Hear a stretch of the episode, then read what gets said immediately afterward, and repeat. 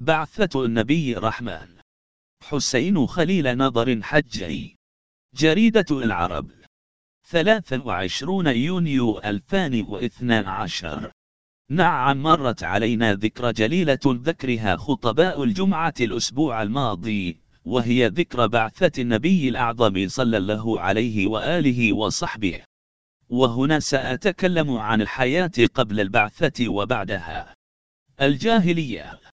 كانت قريش تعيش في ظلمات المعاصي والفواحش وكانت لا تنتهي عن أي معصية فكانت عبادة الحجر الذي لا يضر ولا ينفع.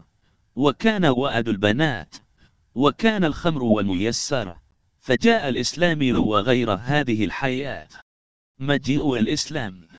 جاء الإسلام وخلص الناس من الفواحش والمعاصي وجاء سيد المرسلين بالرحمة. حيث يقول عنه الجبار العزيز وما أرسلناك إلا رحمة للعالمين وجاء ليتمم مكارم الأخلاق كما جاء على لسانه الذي لا ينطق عن الهوى. المبدأ الذي جاء من أجله الإسلام. جاء الإسلام ليؤلف بين قلوب المتبعين له. والله تعالى جل ذكره هو مؤلف القلوب وليس أحد غيره.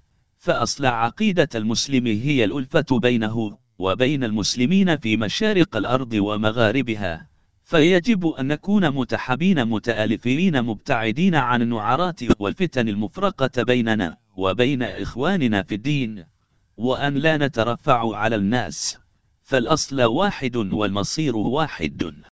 وهنا أدعو الجميع لأن ينتبهوا لهذه الذكرى وأن نأخذ منها ما يفيدنا ويجمع كلمتنا ولا يفرقنا. والسلام موصول للجميع.